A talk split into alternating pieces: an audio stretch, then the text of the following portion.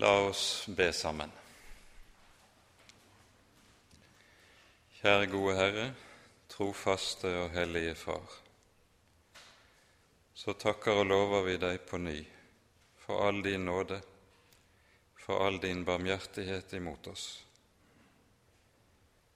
Takk, Hellige Herre og Gud, at du har gitt oss din egen Sønn, og i ham en fullkommen frelse.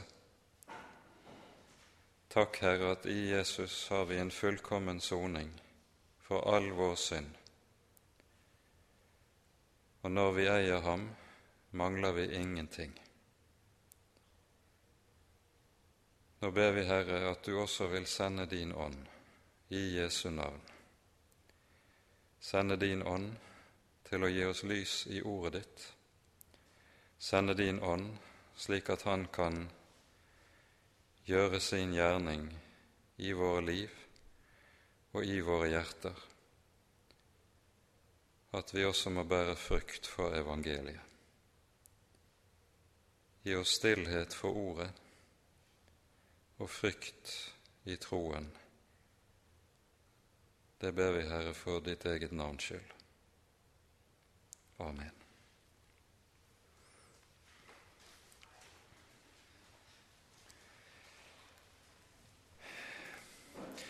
Vi er altså nå midt inne i det ellevte kapitlet, og vi skal i dag begynne å lese fra det trettende verset. Vi så i eh, den første delen av dette kapitlet som vi gikk gjennom forrige gang, at Paulus her særlig eh, tar for seg og understreker to eh, hovedsannheter eh, rent frelseshistorisk når det gjelder Israels folk. For det første stiller spørsmålet har da Gud forkastet sitt folk? Og eh, svaret lyder langt derifra. Og det som så å si er beviset på at Gud ikke har forkastet sitt folk, Israel, det er at det er en liten rest. Og nettopp sannheten om resten, den lille rest, som midt inne i det store frafallet i folket likevel har bevart troen, Sannheten om resten er Guds bekreftelse på at Israel dog ikke er forkastet, selv om det ytre sett kan se slik ut. For det annet peker apostelen på at dette at Israels folk som eh, folk i all hovedsak er forherdet, så er denne forherdelse en virkning, en Guds virkning i folket, som har denne betydning med seg at Israels forherdelse fører til hedningenes frelse. Og det er dette som er det forunderlige i Guds historiske styre, at han ikke bare bruker det som tilsynelatende kan være godt og rett. Han bruker ikke bare menneskers lydighet mot ham og hans bud, men han kan like meget også bruke menneskers ulydighet mot sine bud i sitt styre. Og Det forunderlige er altså dette at nettopp Israels forherdelse er det som ble til frelse for alle mennesker, først og fremst fordi Israel på grunn av sin forherdelse korsfester Guds egen sønn. Og så deretter, når de avviser evangeliet, er det den direkte foranledning til at evangeliet forkynnes for hedningene. Det ser vi stadig på ny går igjen i apostlenes gjerninger, og det er denne sannhet Paulus nå omtaler prinsipielt i første delen av Romerbrevets ellevte kapittel. Og Med det i minne leser vi nå videre fra vers 13, og vi leser ut kapittelet. For til dere taler jeg, dere hedninger, så sant som jeg er hedningenes apostel, priser jeg mitt embete. Om jeg bare kunne vekke mine kjødelige frender til nidkjærhet og få frelst noen av dem. For er verden blitt forlikt med Gud ved deres forkastelse? Hva annet vil da deres antagelse bli enn liv av døde? Men er førstegrøden hellig, da er deigen det også, og er roten hellig, da er grenene det også. Om nå allikevel noen av grenene ble avbrutt, og du, som var en vill oljekvist, ble innpodet blant dem og fikk del med dem i oljetreets rot og fedme, da ros deg ikke mot grenene. Men hvis du roser deg, så er det dog ikke du som bærer roten, men roten som bærer deg. Du vil da si, grenene ble avbrutt for at jeg skulle bli innpodet. Vel, ved sin vantro ble de avbrutt, men du står ved din tro. Vær ikke overmodig, men frykt. For sparte Gud ikke de naturlige grener, da vil han heller ikke spare deg. Så se da Guds godhet og Guds strenghet. Strenghet over dem som er falt, men over deg er Guds godhet, så fremt du holder deg til Hans godhet. Ellers skal du også bli avhugget. Men hine skal også bli innpodet så fremt de ikke holder ved i sin vantro. For Gud er mektig til å innpode dem igjen. For ble, de, ble du avhugget av det oljetre som er vilt av naturen, og mot naturen innpodet i et godt oljetre, hvor meget mer skal de da bli innpodet i sitt eget oljetre, disse som av naturen hører det til? For jeg vil ikke, brødre, at dere skal være uvitende om dette mysterium, for at dere ikke skal synes dere selv kloke, at forherdelse delvis er kommet over Israel inntil fylden av hedningene er kommet inn. Og således skal hele Israel bli frelst, som skrevet er. Fra Sion skal redningsmannen komme. Han skal bortrydde ugudelighet fra Jakob. Og når jeg borttar deres synder, da er dette min pakt med dem. Etter evangeliet er de fiender for deres skyld, men etter utvelgelsen er de elsket for fedrenes skyld. For sine nådegaver og sitt kall angrer Gud ikke på. For like som dere før var ulydige mot Gud, men nå har fått miskunn ved disses ulydighet, så har også disse nå vært ulydige, for at de også skal få miskunn ved den miskunn som er blitt dere til del. For Gud har overgitt dem alle til ulydighet, for at han kunne miskunne seg over dem alle.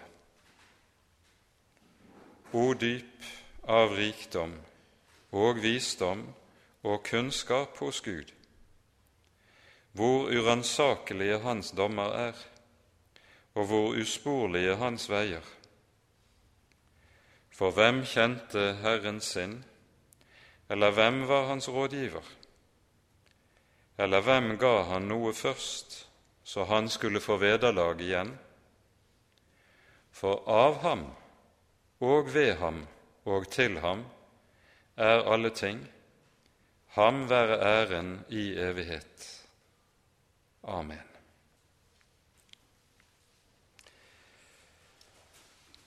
Det avsnittet vi nå har lest, kan vi kanskje dele inn i tre deler.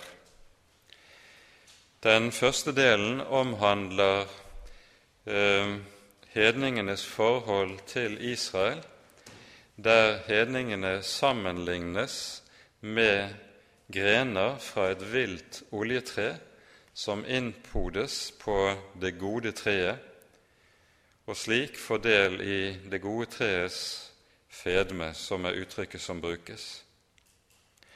Dernest taler apostelen i neste avsnitt om hvorledes det sies hele Israel skal bli frelst, og at dette knyttes sammen med at hedningenes fylde er kommet inn.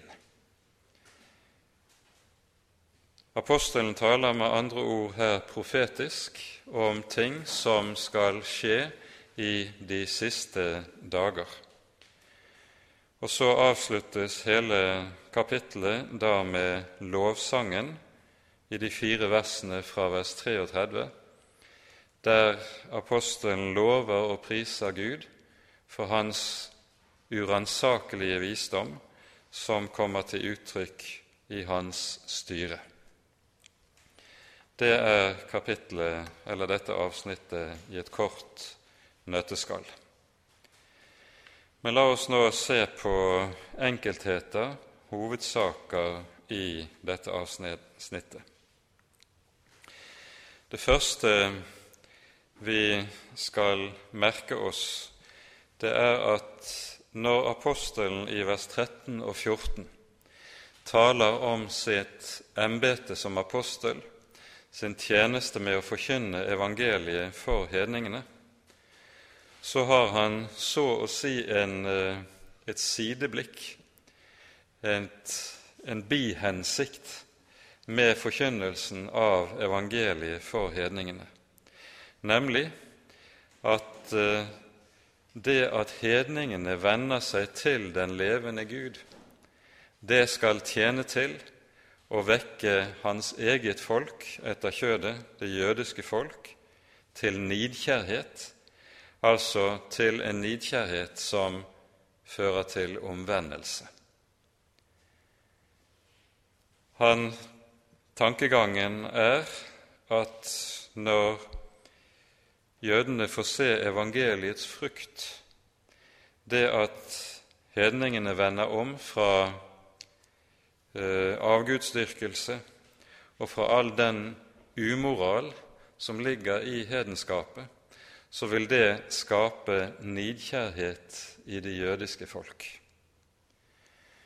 Det er vel noe som bare delvis, ja, kanskje kan vi si i liten grad, er gått i oppfyllelse rent historisk frem til i dag. Det er ganske få av det jødiske folk som frem til i dag er omvendt til troen.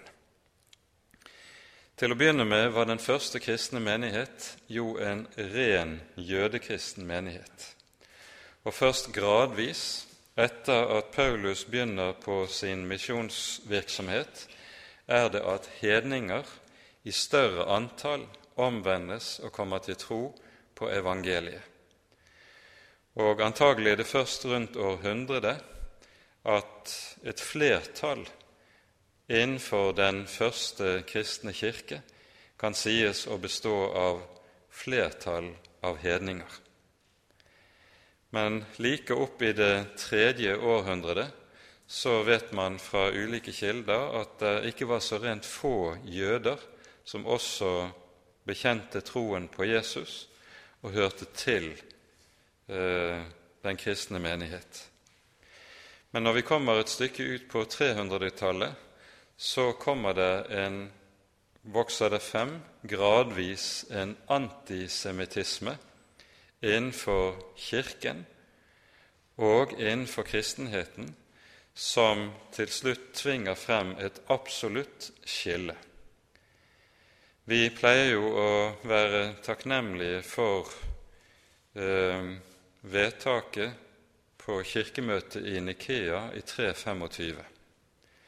Da ble sannheten om Jesu Kristi guddom endelig dogmefestet etter en lang strid eh, foranlediget av Arius, som hevdet at Jesus ikke var fullkomment Gud.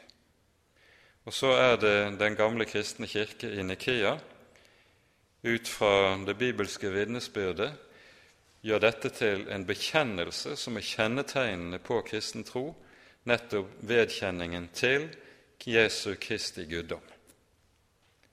Men det var også en rekke andre vedtak på kirkemøtet i Nikia som det slett ikke er grunn til å være glad for.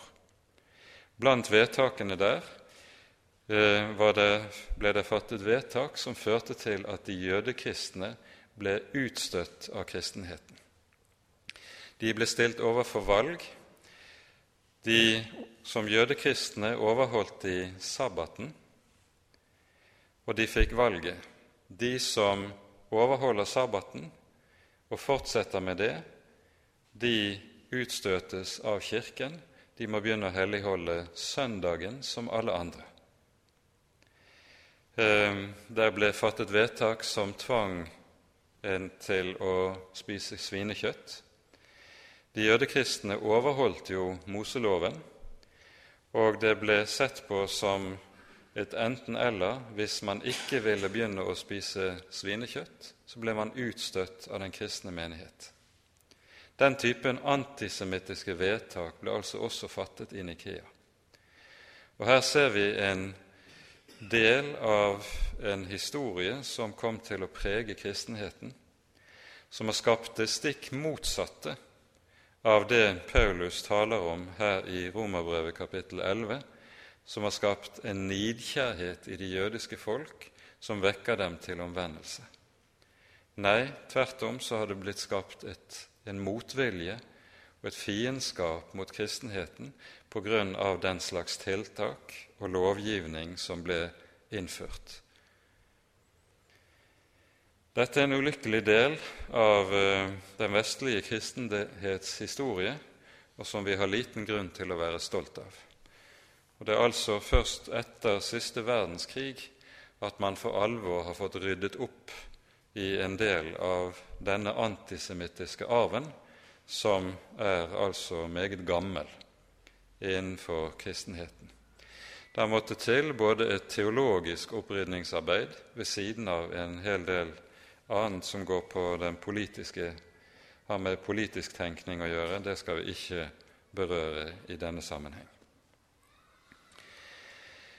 Men Paulus, eh, før han går videre, så sier han noe særdeles tankevekkende i vers 15.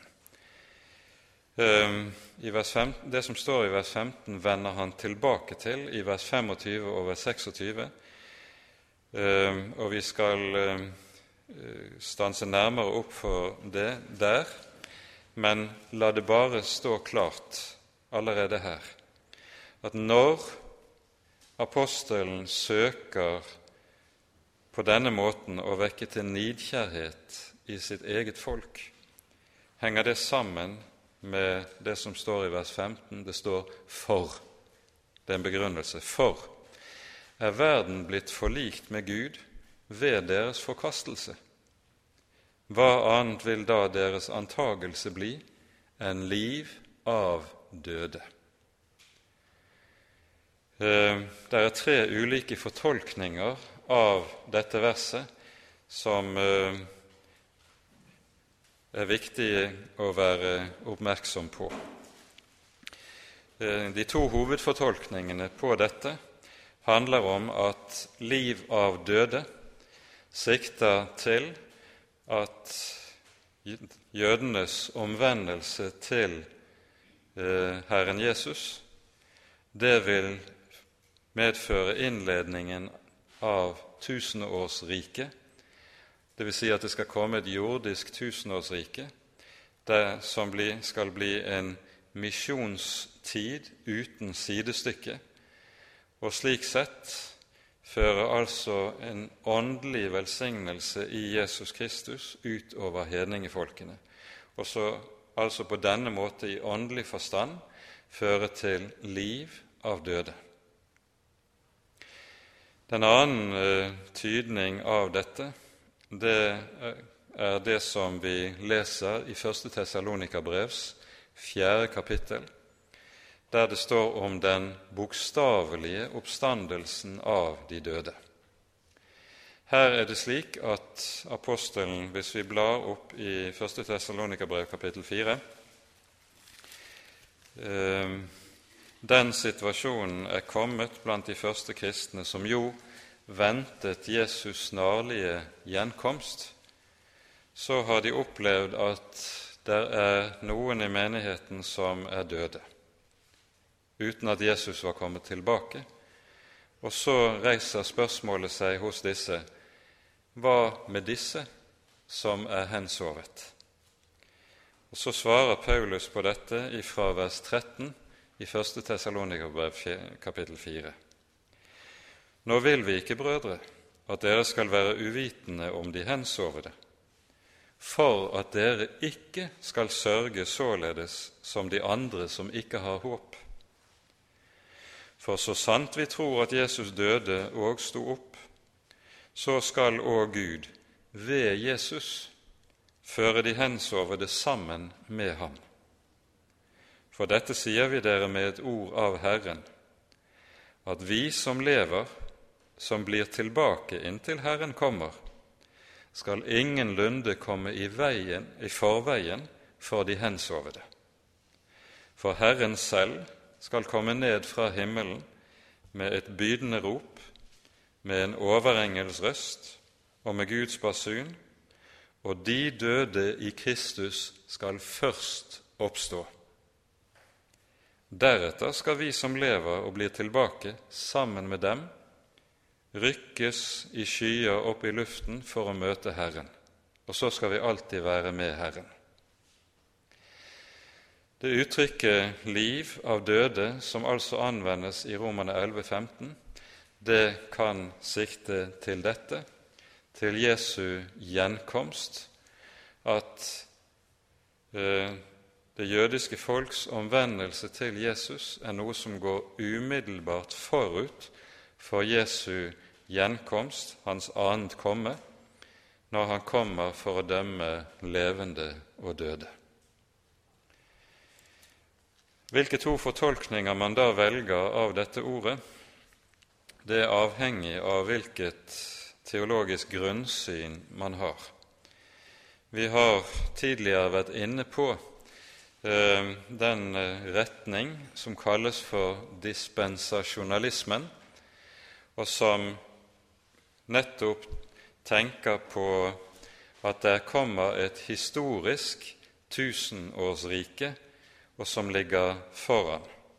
Dette tusenårsriket skal gjøre ende på Antikrists herredømme her i verden, og så skal det altså bli et jordisk tusenårsrike, eh, som så til slutt avløses av nye forferdelige ulykker før Jesus kommer igjen til dom ved historiens avslutning. Undertegnede har eh, flagget ganske tydelig at jeg er meget, meget skeptisk til Eh, dette historiske skjemaet som ligger i bunn, der man tenker rundt et jordisk tusenårsrike. Jeg tror den vanlige fortolkningen av eh, åpenbaringen 20, der vi leser om tusenårsriket, ikke holder mål eh, i forhold til eh, hovedsannheter i bibelmaterialet for øvrig, og derfor heller undertegnede til eh, at det som det siktes til med liv av døde, det er det vi leser i 1. Tessalonika-brev kapittel 4. Det får være ganske kort om dette. Det er svært materiale hvis man skulle gå inn i det eh, mer grundig. Her får vi bare nøye oss med antydninger til dette. Eh, men dere forstår hvorledes jeg eh, selv Eh, tror at dette verset skal forstås. Apostelen vender tilbake til dette altså i vers 25 og 26, der han taler om det jødiske folks fremtidige omvendelse. Og vi kommer tilbake til det da. Bare kort noen bemerkninger om disse to eh, uttrykkene forkastelse og antagelse, som står her i vers 15.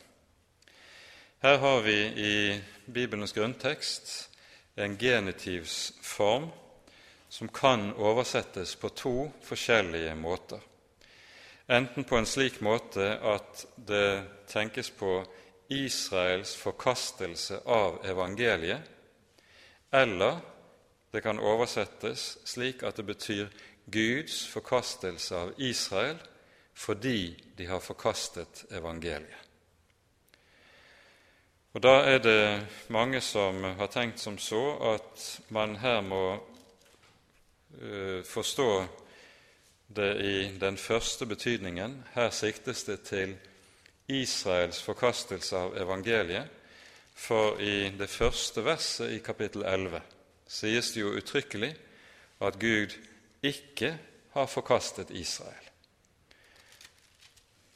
Men eh, sånn som verset må leses naturlig ut fra gresk, så betyr det antagelig ikke, og sikter det antagelig ikke, til Israels forkastelse, men til at det er Gud som er subjekt, altså at det er Gud som både forkaster og vil anta. Gud har forkastet dem som forkaster evangeliet, men han har altså ikke forkastet Israel som helhet. Det avvises i det første verset i kapittelet. Det er den naturlige grammatiske forståelsen eh, av teksten. Skulle det vært teksten nemlig vært forstått slik at det her var tale om Israels forkastelse, da ville det etter vanlig språkbruk hos Paulus eh, nok ha stått eh, er verden blitt forlikt med Gud ved deres forkastelse av evangeliet. Slik ville det da naturlig ha stått i teksten, men det gjør det ikke. Eh, I stedet brukes verbene i en absolutt form, som hos apostelen eh, vanligvis brukes når det er Gud selv som er subjekt. Dette får bli en liten grammatisk parentes, men eh, jeg får sitere Luther i denne sammenheng. Grammatikken er teologiens mor. Det kan være nyttig å være oppmerksom på at å arbeide grundig med språket det er uhyre viktig når det gjelder å forstå Bibelen rett. Men nå kommer et avsnitt som begynner da med vers 16, som har fått meget stor betydning eh, i den senere tid, og med det mener jeg i etterkrigstidens teologiske opprydning med antisemittismen og dens teologiske forutsetninger. Og Da taler vi om det som vi kaller for erstatningsteologien. Med uttrykket erstatningsteologi menes den tenkning eh, at en hevder at eh, Kirken er det nye Israel, og Kirken har som det nye Israel erstattet det jødiske folk, det kjødelige Israel, som Guds utvalgte folk. Og det jødiske folk har derfor heller ingen rolle, spiller heller ingen rolle i Guds historiske styre lenger. På enhver måte er det jødiske folk i dag å anse som ethvert annet folk og står ikke i noen særstilling.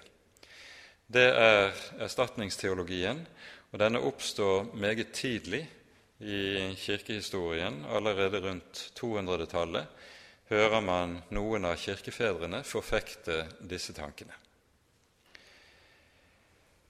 Og Da er det at en har opp, gjenoppdaget teksten her i Romerbrevets ellevte kapittel der Paulus bruker bildet av oljetreet, der oljetreet er Israel, Israels folk, og vi hedninger er kvister som er avbrutt fra ville trær og innpodet på det gode oljetreet, som er Israels folk, og da må vi ikke tenke Israel etter kjødet, men Israel etter ånden, slik Paulus skjelner mellom disse i hele romerbrevet.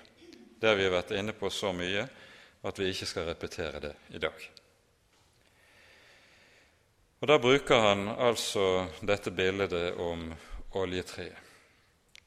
Og så rettes det en advarsel til oss som hedningekristne. Om nå allikevel noen av grenene på oljetreet ble brutt av, altså av Israels folk, de ble avbrutt, de eh, det gikk med dem, som eh, vi leser i eh, Johannesevangeliets 15. kapittel, der det sies om noen gren på meg ikke bærer frukt, da brytes han av og kastes bort, og de så samles det inn og brennes på ilden. Det er den billedbruken som eh, Paulus også anvender her. Det vantro Israel brytes av oljetreet, og i stedet innpodes hedningene på oljetreet. Så sies det som advarsel til hedningene, ros deg ikke mot grenene. Men hvis du roser deg, så er det ikke du som bærer roten, men roten bærer deg. Du vil da si:" Grenene ble avbrutt for at jeg skulle bli innpodet. Vel, ved sin vantro ble de avbrutt, men du står ved din tro. Vær ikke overmodig, men frykt. Og Slik advares altså vi hedningekristne mot å hovmode oss på Israels bekostning. Nå er det et par viktige eh, saker i disse versene som vi må merke oss i denne sammenheng. For det første, når eh, det er tale om her eh, om roten og om førstegrøden, så er det to uhyre sentrale bilder i Bibelens eh, billedverden. Det er nå slik at med disse to ordene, roten og førstegrøden, så kan en tenke på to ulike forståelser eller tolkninger av også disse ordene. Med førstegrøden og med roten kan en tenke på fedrene, nemlig Abraham, Isak og Jakob de er jo så å si eh, stammen som alt annet springer ut fra. Abraham får høre løftet 'I deg skal alle jordens slekter velsignes'. Og det å bli et Guds barn beskrives i Galaterbrevet også om oss hedninger som å få del i Abrahams velsignelse. Så dette er Bibelens språkbruk, og det er full dekning for å tenke at med disse uttrykkene så tenkes det på fedrene, og kanskje først og fremst på Abraham, som er troens far. Likevel vet vi at her er det en dypere sannhet som ligger under. Ordet førstegrøden brukes i flere sammenhenger i Det nye testamentet om Kristi person. En av de viktigste tekstene det er i 1. Korinterbrevs 15. kapittel, der Jesus kalles for førstegrøden av de hensovede. Her tales det om det som har med forholdet til oppstandelsen det var en del eh, i menigheten i Korint som ikke trodde på legemets oppstandelse. De trodde i tråd med gresk tankegang at oppstandelsen kun var en rent åndelig sak, for legemet var jo å anse etter gresk tankegang som noe mindreverdig, og derfor var det ikke noe poeng eller noe mål at man skulle oppstå legemlig fra de døde. Det var kun tale om en åndelig oppstandelse. Og Nettopp dette er det apostelen tar opp for å understreke med størst mulig tyngde at det virkelig er tale om en legemlig oppstandelse. Hadde Jesu oppstandelse kun vært en åndelig oppstandelse, da hadde graven ikke vært tom. Men graven var tom. Jesus oppsto legemlig fra de døde. Og nettopp det som kjennetegner Jesus i hans oppstandelse, det skal også kjennetegne oss, og derfor kalles Jesus førstegrøden. Vi leser i vers 20. Nå er Kristus oppstanden fra de døde og er blitt førstegrøden av de hensovede. For ettersom døden er kommet ved ett menneske, så er òg de dødes oppstandelse kommet ved ett menneske. Like som alle dør i Adam, skal òg alle levendegjøres i Kristus, men hver i sin egen avdeling. Kristus er førstegrøden. Deretter skal de som hører Kristus til, levendegjøres ved Hans komme. Dette er altså løftet om oppstandelsen, om den legemlige oppstandelse.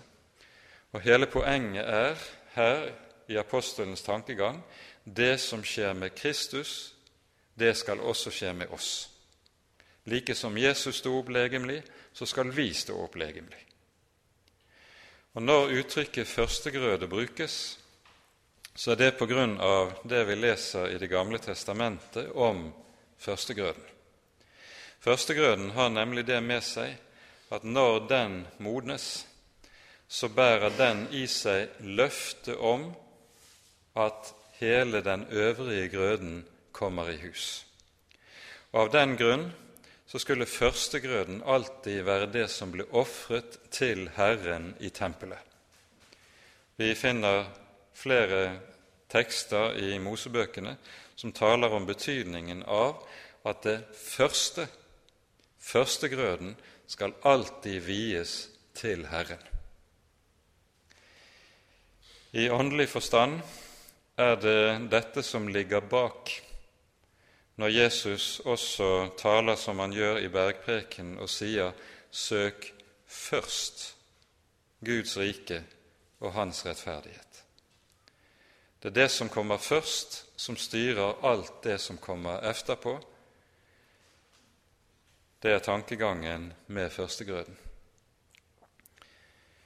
Og det er det som i parentes bemerket også ligger bak at tanken om den kristne morgenbønn. Det første man gjør når dagen gryr, det er å søke Herren. Søk først Guds rike. Man har tenkt så konkret om dette ordet 'først' ut fra tanken om første grøden.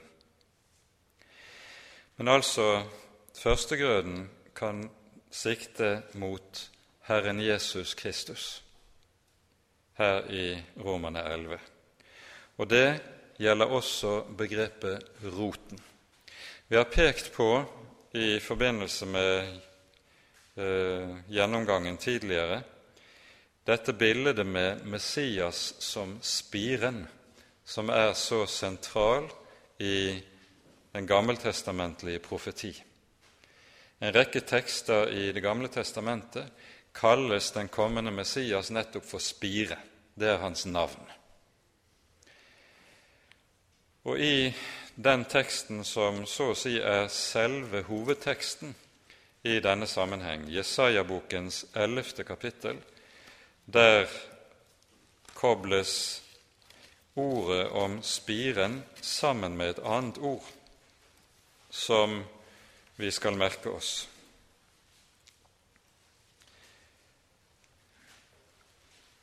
En kvist skal skyte frem av Isais stubb, og et skudd av hans rot skal bære frukt.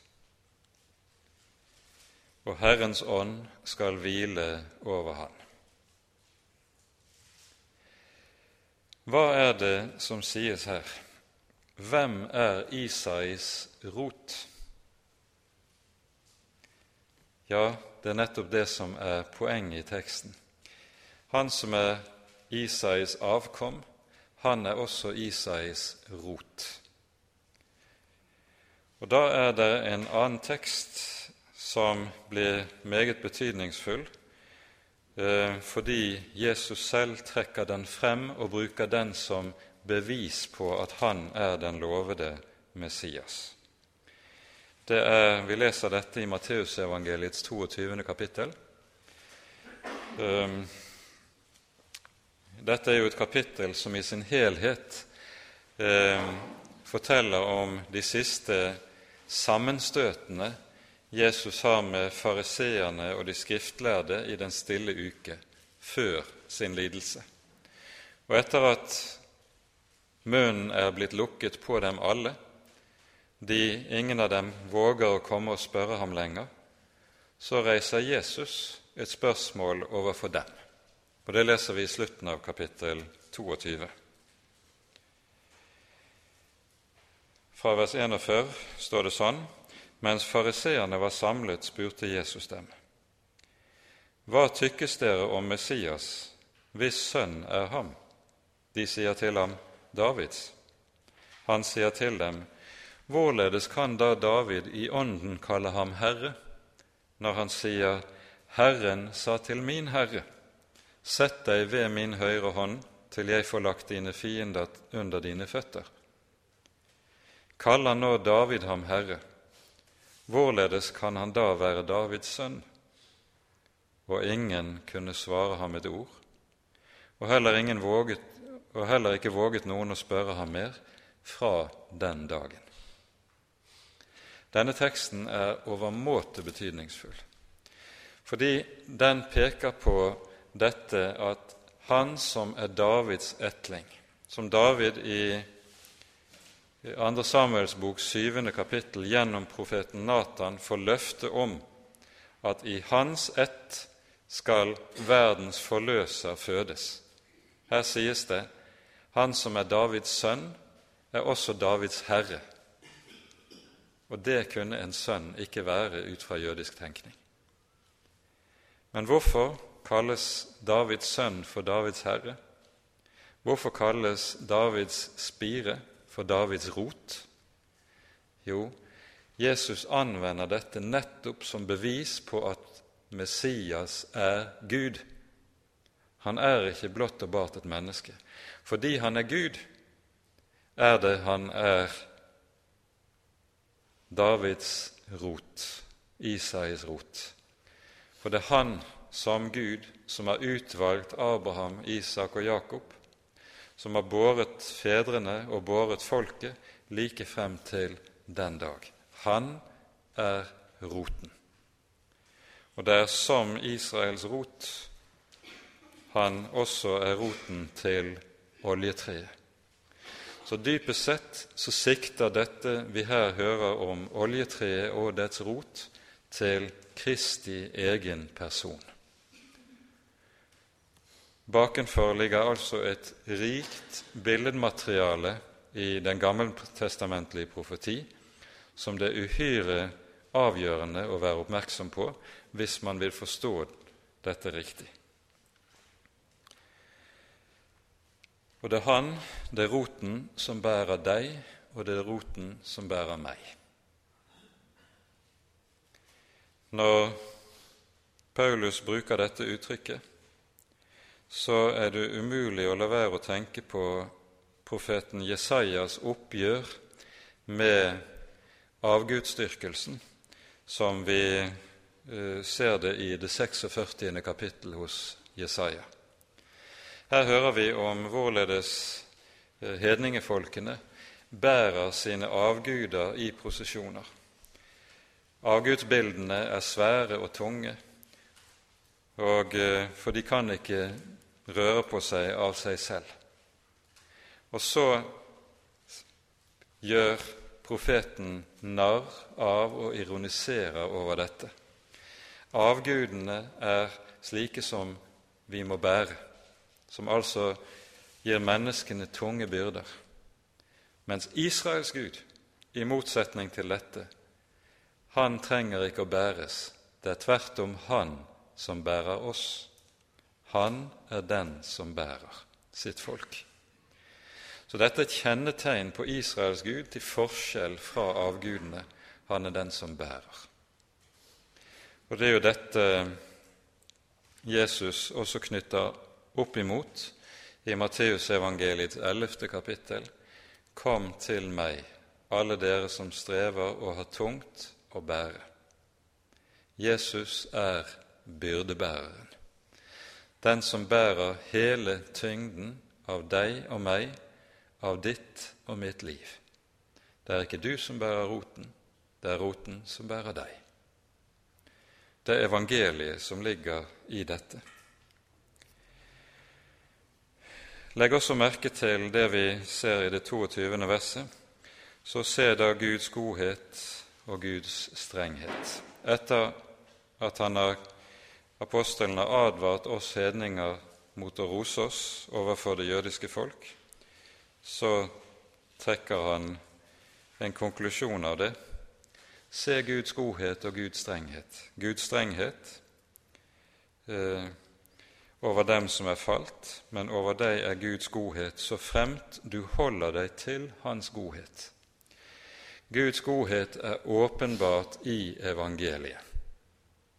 Budskapet om Jesus og hva Jesus har gjort for vår skyld. Der er Guds godhet åpenbart.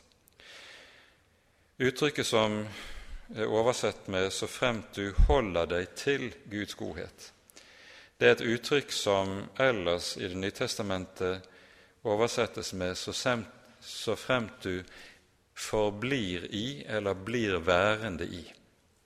Det er det samme verbet som Jesus anvender f.eks. i Johannes 8, når han sier 'dersom dere blir værende i mitt ord', da er dere i sannhet mine disipler. Det er det samme som vi finner i Johannesevangeliet 15, når Jesus taler om grenene og vintreet. Bli i meg. Bli værende i meg. Så fremt du blir værende i Hans godhet, altså så fremt du blir værende i evangeliet. For det er det som frir et menneske fra dommen, og som også hindrer fra å bli hogget av, som apostelen har talt om i det foregående. Men nå leser vi fra vers 23. Men hine, altså Israel, de skal også bli innpodet, så fremt de ikke holder ved i sin vantro. For Gud er mektig, Gud er i stand til å innpode dem igjen. Og Legg merke til begrunnelsen som Paulus her har. For her knytter Paulus til noe Jesus sier i Johannesevangeliets 17. kapittel. Det er i innledningen til Jesu ypperste prestelige bønn. Der sier Jesus i det andre verset om seg selv at Faderen har gitt ham makt over alt kjød, for at han skal gi evig liv til alle dem som tror på ham. Altså Jesus er den som har denne makt. Makten til frelse, den ligger ikke hos deg og meg. Den ligger ikke i vår hånd, den ligger i Jesu hånd. For hvis det var opp til oss det å kunne bli frelst og gi frelse, da ville ingen av oss kunne bli det. Det er fordi Jesus er den som gjør alt. Makten ligger i Hans hånd. Det er derfor vi kan ha håp, det er derfor vi kan ha frimodighet, det er derfor vi ikke behøver å frykte for dommen. For Gud er mektig til, sies det. Og så fortsetter apostelen. For ble du avhugget av det oljetre som er vilt av naturen, og mot naturen innpodet i det godt oljetre, hvor meget mer skal de da bli innpodet i sitt eget oljetre, disse som av naturen hører det til? Ja, det er naturstridig at du og jeg er blitt Guds barn, i enhver forstand. Det er noe som er Guds eget verk imot vår natur, imot vårt naturlige menneske. Og så sies det altså Og nå peker det frem mot dette forunderlige som apostelen peker på, noe som er et mysterium i Guds frelsesråd når det gjelder det jødiske folk. Jeg vil ikke, brødre, at dere skal være uvitende om denne hemmelighet, for at dere ikke skal synes dere selv kloke. At forherdelse delvis, for en del, er kommet over Israel inntil fylden av hedningene er kommet inn.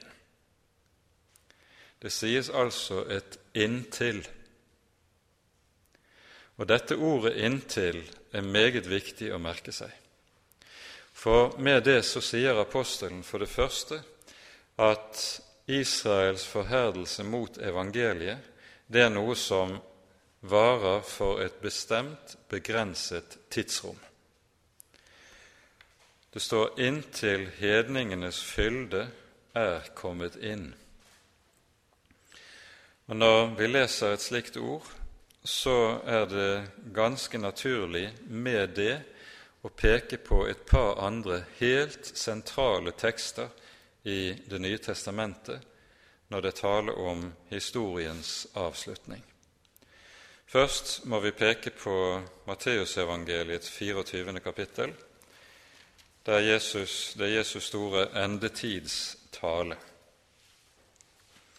Her sier Jesus følgende i vers 14.: Dette evangelium om riket skal forkynnes over hele jorderiket til et vitnesbyrd for alle folkeslag, og da skal enden komme, inntil fylden av hedningene er kommet inn.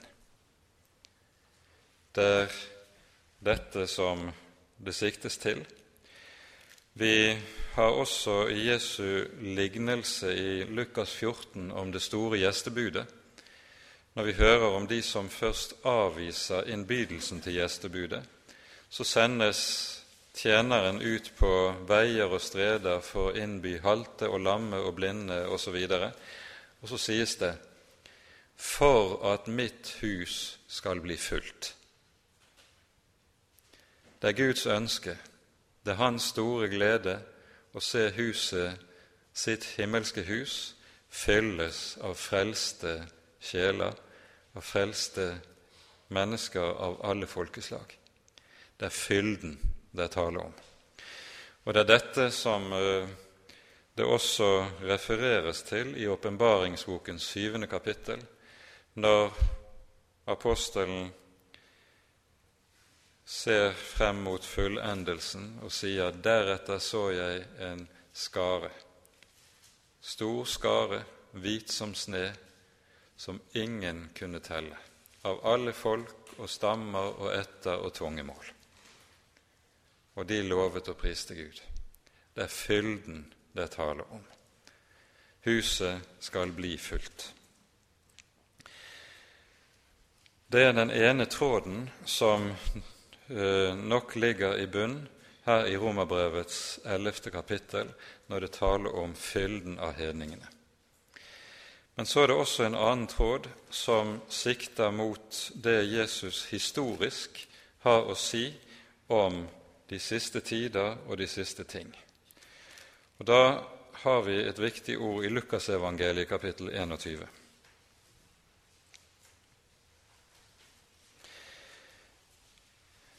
I avsnittet fra vers 20 av her i kapittelet tales det om Jerusalems ødeleggelse, om hvorledes det jødiske folk skal fordrives, eh, og byen skal ligge nedtrådt. Og så sies det i vers 24 i dette kapittelet Jerusalem skal ligge nedtrådt av hedningene inntil hedningenes tid er til ende.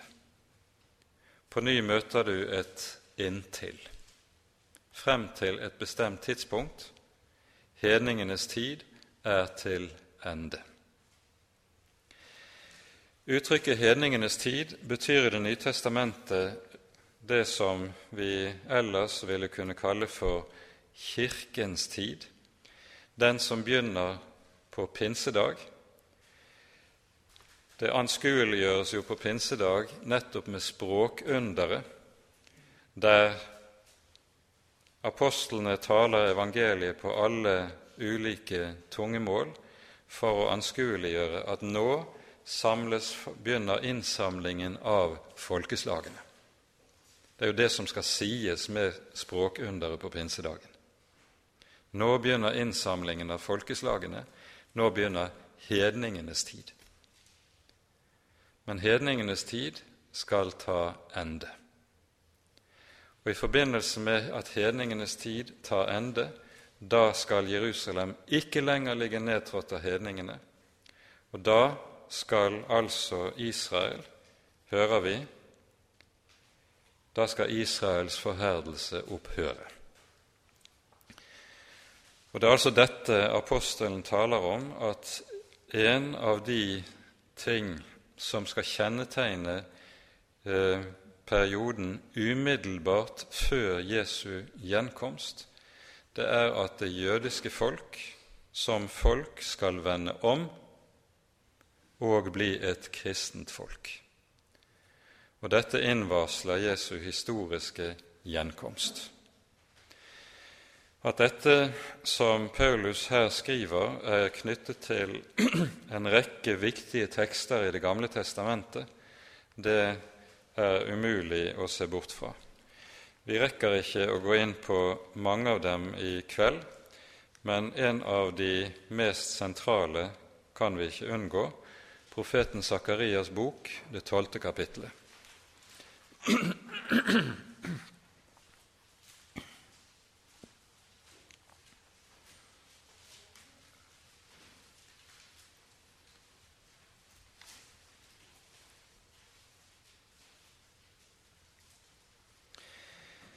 Her tales det om hvorledes det hen imot historiens avslutning skal stå strid om Jerusalem. Alle hedningefolk skal reise seg for å angripe Herrens by Jerusalem, og det skal bli en trengselstid for det jødiske folk uten like rent historisk. Og så står det i den anledning i det tiende verset at nettopp i forbindelse med denne trengsel så gir Gud et løfte. Over Davids hus og over Jerusalems innbyggere vil jeg utgyde nådens og bønnens ånd, og de skal skue opp til meg som de har gjennomstunget, og de skal sørge over ham som en sørger over sin enbårne sønn, og klage sårt over ham som en klager over sin førstefødte. Legg merke til at det sies nådens og bønnens ånd. Disse to knyttes sammen. Dette definerer jo også hva som er kristen bønn. Kristen bønn det er den bønn som er skapt av nådens ånd. For det annet er jo dette ordet et ord som er et meget sterkt vitnesbyrd om Messias guddom og om Messias lidelse. Det står nemlig de ikke de skal skue opp til Han som de har gjennomstunget. Nei, det står de skal skue opp til meg som de har gjennomstunget. Det er Herren Gud som taler, og som sier at hans eget folk har gjennomskuet han, gjennomstunget han. De skal skue opp til meg som de har gjennomstunget. Og Dernest sies det altså at Guds folk skal gjennomstenge sin egen Gud. Og det er jo det som i bokstaveligste forstand skjer på korset. Og Av denne grunnen er det jo også at ordene i Jesaja 53 blir så sentrale. Vi er vant til å lese Jesaja-bokens 53. kapittel som en profeti om Kristi lidelse i vårt sted. Og det er rett. Det er det. Men når du leser tekstsammenhengen i Jesaja 53, så vil du legge merke til at slik denne teksten står, så står den som en bekjennelse fra et folk som har forkastet i vantro Han som led i deres sted, og som i ettertid ser tilbake på denne forkastelse med stor sorg. De er altså kommet til tro. Det er tekstsammenhengen som Jesaja 53 står i. De skal skue opp til meg som de har gjennomstunget, og de skal sørge over ham. Dette skal altså føre til en folkeomvendelse i det jødiske folk, mens hedningenes tid er til ende. At hedningenes tid er til ende, det er vanskelig å la være å forstå dette i sammenheng med ordene i 2. Tessalonikerbrevs 2. kapittel, som også taler om tiden umiddelbart forut for Kristi gjenkomst. Der tales det nemlig om hvorledes det store frafallet skal prege kristenheten. Dette store frafall bereder veien for Antikrist, og etter Antikrists fremtreden så kommer Jesus igjen. Det store frafallet det kan vel antagelig også betegnes nettopp ved at hedningenes tid er til ende. Og så går disse to ting hånd i hånd. Det at hedningenefolkene vender evangeliet ryggen og forkaster Jesus, forkaster Guds ord og evangeliet, samtidig som det jødiske folk begynner å vende om. Dette ser ut til å være tråder som er sentrale i Det nye testamentets tale om de siste ting, og det er vanskelig å komme bort fra eh, en del av dette. Samtidig må vi understreke én sak som alltid skal innby til varsomhet når man leser de bibelske profetier Eh, som taler om eh, fremtiden og avslutningen. Jesus sier i Johannes 15 følgende.: Jeg har sagt dere det før det skjer, for at dere skal tro når det skjer. Det dette betyr, det er at Jesus har eh, så å si skrudd sammen profetiene i Det nye testamentet på en sånn måte at det ikke er oss gitt å kunne lage et kart over fremtiden, et tidsskjema og en timeplan der vi liksom kan kartlegge og si nå skal det og det og det skje sånn og sånn. Nei, det er laget på en sånn måte at når det går i oppfyllelse, da kjenner vi det igjen. Da forstår vi at det var dette Herren talte om. Jeg har sagt dere det før det skjer, for at dere skal tro når det skjer. Dette skal stemme til en varsomhet i følge med bibeltekstene som taler om de siste ting, og som unnskyld, skal stemme oss til å være eh, ikke altfor frimodige med å tegne ut ulike slags fremtidskart, som du ser det gjøres i en del sammenhenger. For det er altfor meget vi ikke vet, og vi ikke ser, og det å bli altfor opptatt med slike ting, slike fremtidskart, det fører regelmessig til at mennesker mister evangeliet av syne. Det blir ikke viktig for dem lenger.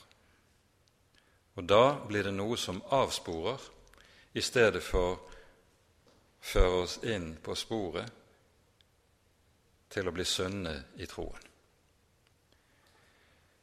Så får det være sagt i denne sammenheng, og så kan apostelen avslutte med sin store lovsang i slutten av dette kapitlet. En lovsang som vi skulle grunne mye over alle sammen. Og dyp av rikdom og visdom og kunnskap hos Gud. Hvor uransakelige Hans dommer er, hvor usporlige Hans veier. For hvem kjente Herren sin, eller hvem var Hans rådgiver? Eller hvem ga han noe først, så han skulle få vederlag igjen? For av ham og ved ham og til ham er alle ting. Ham være æren i evighet. Amen. Ja, ære være Faderen og Sønnen og Den hellige ånd, som det var i begynnelsen, nå og alltid og i all evighet. Amen.